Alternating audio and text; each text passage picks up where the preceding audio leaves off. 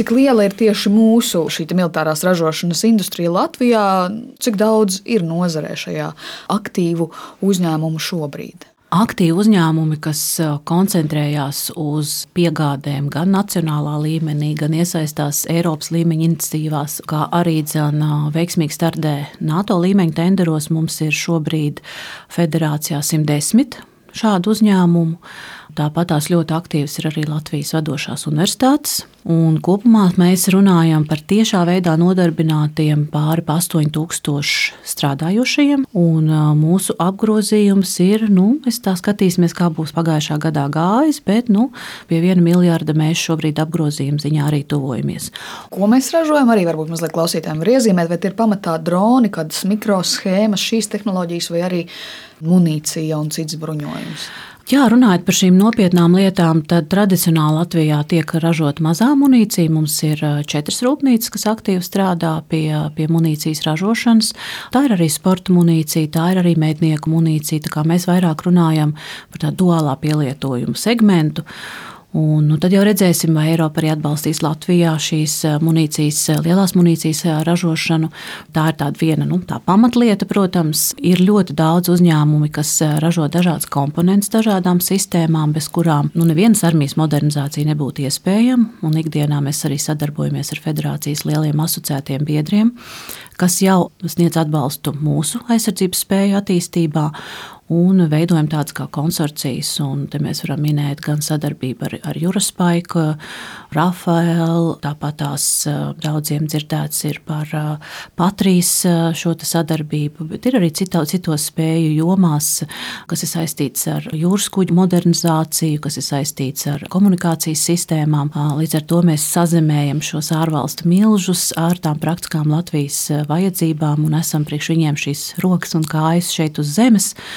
Un, protams, mēs redzam ļoti lielu potenciālu tieši šo mūsu asociēto biedru arī ienākšanai Latvijā jau kā strateģiskiem investoriem mūsu uzņēmumos, nerunājot par tām investīciju jaudām tieši pētniecībā un attīstībā. Bet kas ir tad turpretī tie galvenie izaicinājumi industrijai? Jo skaidrs, ka te droši vien īpaši runa arī par kvalificētu darba spēku, vai tas ir darba spēks, infrastruktūra, investīcijas, jā, valsts kaut kāda palīdzība, kas ir mūsu galvenie izaicinājumi. Jā, es domāju, ka tās Latvijas uzņēmēju šī brīža augšanas grūtības, ja varētu tā teikt, ir ļoti, ļoti līdzīgas ar tām grūtībām, ar kurām sastopās arī citi Eiropas Savienības uh, uzņēmumi.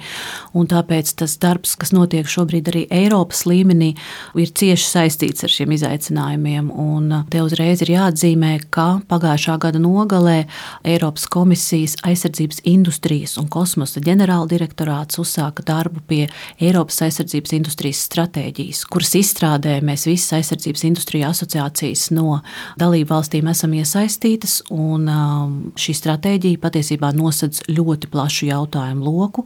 No visa tā jūsu pieminētā papildus klāt vēl nāk jautājumi, kas ir saistīti ar piegāžu ķēžu drošību, ar izēju materiālu pieejamību un uh, kā tādu trešo jomu es noteikti teiktu nu, tādu saulaicīgu ilgtermiņa līgumu parakstīšanu. Jo mēs nevaram sākt investēt, un arī ar bankām vai ar ikvienu citu finanšu institūciju runāt, kamēr mums nav šī ilgtermiņa stratēģija. Un šīs stratēģijas kontekstā arī ir ļoti, ļoti svarīgi, ka mēs Latvijā ejam arī, nu, arī saviem straujiem tempiem uz priekšu jo mēs jau strādājam pie arī tādiem praktiskiem soļiem, kā nākotnē veidot šīs strateģiskās partnerības un drošas piegādes ķēdes. Un šobrīd mēs arī ļoti gaidām saimā jau uz otro lasījumu aizsardzības industrijas likumu, kas tad arī dzen šos, nu, varētu teikt, spēles noteikumus industrijai sadarbībā ar publisko sektoru veidos. Tad jūs vērtējat, ka šī prioritāte, kas ir gan Eiropā, gan Latvijā, aizsardzība, tostarp arī bruņojums, ka tas nav tikai uz papīra vai vārdi, bet ka šī stratēģija stratēģijas arī ir ar kaut kādiem praktiskām, reālām lietām. Varbūt tādi nedaudz skaitļos ieejot, tad 2014. Eh, gadā 22 Eiropas Savienības eh, un vienlaikus arī NATO dalību valstis eh, investēja aizsardzībā 230 miljardus. Ja mēs skatāmies uz pagājušo gadu, šīs investīcijas aizsardzībā jau bija 380 miljardi. Plus Eiropas līmenī mums ir nākušas klāt virkne iniciatīvu, kuras tiek ieviestas. Tas ir nu, varbūt tāds visredzamākais uzņēmējiem, vistaustāmākais pēdējo trīs gadu laikā ir bijis Eiropas aizsardzības fonds kurš pagājušā gadā ir saņēmis patiesībā rekordlielu pieteikumu skaitu. Šie projekti šobrīd tiek vērtēti, un pavasarī mēs uzzināsim šos jaunos eh, konsorcijas un viņu līderus. Vairāk kā 230 eh, projektu pieteikti mm. uz, uz Eiropas aizsardzības fonda atbalstu, un nu, šeit tiek nosaktas visdažādākie spēju veidi un finansējums, kas šo trešo gadu gan universitātēm, gan arī uzņēmējiem ir pieejams, ir viens miljards ar līdzīgi, nu, teiksim, šobrīd ar iniciatīvas uzsāk NATO, bet Eiropas Savienība ir jau vismaz divus gadus priekšā ar šīm iniciatīvām. Mēs arī konkurējam. Lat, mēs ļoti, ļoti labi konkurējam, un Latvijai arī viens izcils projekts ir, kurā mēs esam līderi. Tas ir mūsu uzņēmums Exonikus, kas strādā pie traumu simulatoriem, ap kuru šobrīd apvienojās arvien vairāk nozaru līderi. Pagājušajā piekdienā arī mūsu ādažu bāzē notika nu, šī pirmā projekta demonstrācijas, kas ir sasniegts, un, un sabrauc arī gan spāņu, gan vācu partneri un, un somi. Tas ir tāds lielisks un ļoti, ļoti svarīgs patiesībā iniciatīvs. Ja mēs skatāmies pie iepriekšējiem gadiem, tad nu, pirmajā gadā mēs bijām 11 konsorcijos iekšā, kur, kur gan universitātes, gan uzņēmumi iesaistījās citu vadītos projektos, un tas ir ļoti, ļoti svarīgi, jo ne visur mēs varēsim būt, būt objektīvi līderi, un ne visur tas ir arī vajadzīgs. Un pēdējos gados ir arī bijuši nu, pa pieciem konsorcijiem, kuros mēs esam iesaistījušies. Un, piemēram, pagājušā gadā tika atbalstīti arī dzen, pieci projekti, un šeit bija piemēram dati grupa pievienojās tādam konsorcijam Spider, kur kopējais finansējums būs 41 miljonus tieši kas būs saistīts ar, ar, ar kosmosā balstītu noturīgu izlūkošanas sistēmu izveidi. Arī pats Seksonikus, ko es pieminēju, viņi iet tālāk, viņi neapstājās pie sasniegtā, un viņi strādā pie jauna konsorcija Federates, kuram arī finansējums būs 35 miljoni. Tāpat tās ir jāpiemina Tilde, kas pievienojās Eukfin tādām kibernoziegumu un informācijas instrumentu konsorcijām. Tur ir 41 miljons. Ja. Mm -hmm. Kā, arī Stradiņa Universitāte, Latvijas Universitāte ir kopīgi ir vienā konsorcijā, kas strādā tieši pie CBRN, jeb kā mēs sakām, ķīmisko, radioaktīvo un uh, šo uh, vidas risku uh, novēršanu. Tā kā tās partnerības ir gana apjomīgas, un ko man ļoti, ļoti gribās, lai nu, tīpaši uzņēmēji un arī zinātnieki, kas mūs dzirdēs, ka dalība šos konsorcijos ir patiesībā strateģiski svarīga, jo tas ir veids, kā Eiropa konsolidēs, protams, gan pētniecību, gan industriju šādi nu, tik fragmentēti, kādi mēs esam šobrīd, mēs nu, diez vai būsim tādi jaudīgi karotāji. Jā. Tas, kas mums ir vajadzīgs, mums vajag sakoncentrēt tos resursus un spēkus. Un,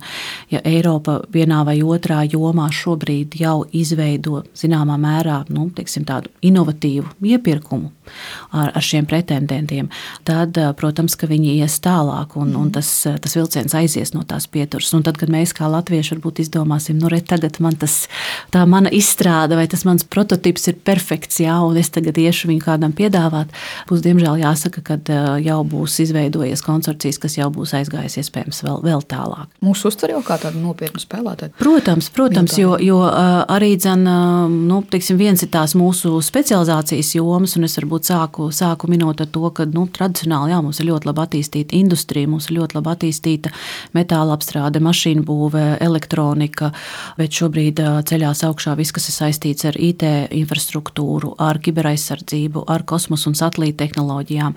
Tās ir jomas, kur Latvijai ir šīs industriālās tradīcijas, kas nu, patiesībā, ja mēs objektīvi paskatīsimies plašāk uz Baltiju, tik dziļu un plašu kompetenci nav nevienā Baltijas valstī. Un šīs pašas drona spējas, kuras nu, mēs zināmā mērā to vērtējam arī kā tādu mūsu aizsardzības ministrijas atzinību, kas mums ir pausta, kad, kad Latvija uzņemās šo līderību ne jau, ne jau tāpēc, ka mums ir ambīcija, bet tāpēc, ka mums ir reāla varēšana. Tas nav tā, ka tas būtu kaut kur tukšā vietā pēkšņi pēkšņi radies, pie tā ļoti ilgi rūpīgi strādāts. Un otra joma, protams, ir ļoti svarīgi piesaistīt strateģiskos investorus. Šiem uzņēmumiem, kas nākotnē attīstīs Latvijā šos lielos aizsardzības spēju virzienus, arī ar, pie sadarbības ar šiem uzņēmumiem mēs šobrīd strādājam, jo viņi ir federācijas asociētie biedri. Jūs arī pieminējāt dronu aspektu. Ir šī dronu koalīcijas iniciatīva, un Latvijā tāpat ir plāns veidot arī valsts kapitāla sabiedrību, kas uzņemtos to vadošo lomu mūsu valsts apgādē ar munīciju tieši. Vai kādas reālas aprises jau ir tieši tajā valsts un privātā sektora partnerībā, kā mm. virzās šī? Lieta? Jā, attiecībā uz plāniem veidot šo kapitāla sabiedrību, tad ministrs kabinets ir lēmis gana, gana lielu un plašu pilnvarojumu. Nu, tās sarunas, kas mums ir līdz šim bijušas, nu, rāda to, ka šobrīd vēl tiek veidota šī stratēģija, pie kuriem jautājumiem tiks strādāts. Bet viņi ļoti lielā mērā ir arī atkarīgi no tā, vai, vai Latvija gūs savam konsorcijam atbalstu no Eiropas Savienības, jo arī pagājušā gadā tika izveidots īpašs instruments, akts munīcijas ražošanas atbalstam. Šobrīd nu, ir, protams, jārēķinās to, ka ir ļoti daudz valsts šos pieteikumus iesniegušas, un es ļoti ceru, ka nu, martā mēs varēsim saprast, kā Latvijai tālāk virzīties. Jo, piemēram, arī šonadēļ arī bija redzama Vācijas Rainmetāla un Vācijas kopumā ar Dāniju sadarbības uzsākšana pie munīcijas ražotnes izveidas Vācijā. Šis darbs ir ļoti, ļoti plašs, bet nu, vienlaikus tas arī viens no lielākiem izaicinājumiem, pie kuriem Arī mums ļoti atklāti jāsēžās pie galda un jārunā tas jautājums par izēvielu pieejamību, jo, jo rūpnīcas bez izēvielām, nu, diemžēl, nestrādās un gala produktus neražos. Tas jautājums ir nu, zināmā mērā globāls. Tas nav tikai saistīts ar, ar elektronikas nozari, kad tiek runāts par čipiem, bet nu, arī munīcijas jomā tas, tas ir jautājums par izēvielām. Mēs pirms runājam par, par pulveri un, un ar to saistītām izēvielām, kuras galvenais ražotājs ir Ķīna. Un, diemžēl mums ir jāsaprot, ka eh, nu, Ķīnas klientu lokus eh, arī nav mums diezgan draudzīgs. Tā kā izaicinājumi ļoti lieli, jo arī šīs investīcijas eh, rūpnīcās. Te ir jautājums, kā mēs tālāk viņas tiešām efektīvi varēsim izmantot.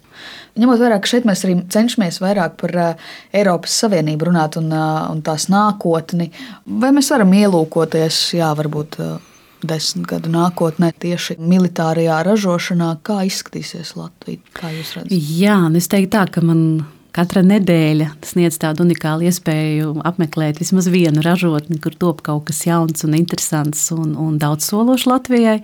Un tas ir tas, kas mani personīgi dzen uz priekšu. Un, Es teiktu tā, ka mēs ieejam jaunā desmitgadē, kur aizsardzības industrija un drošības industrija, jā, jo ļoti daudz tie produkti ir duāli pielietojumi, viņu pieprasījums pieaugs.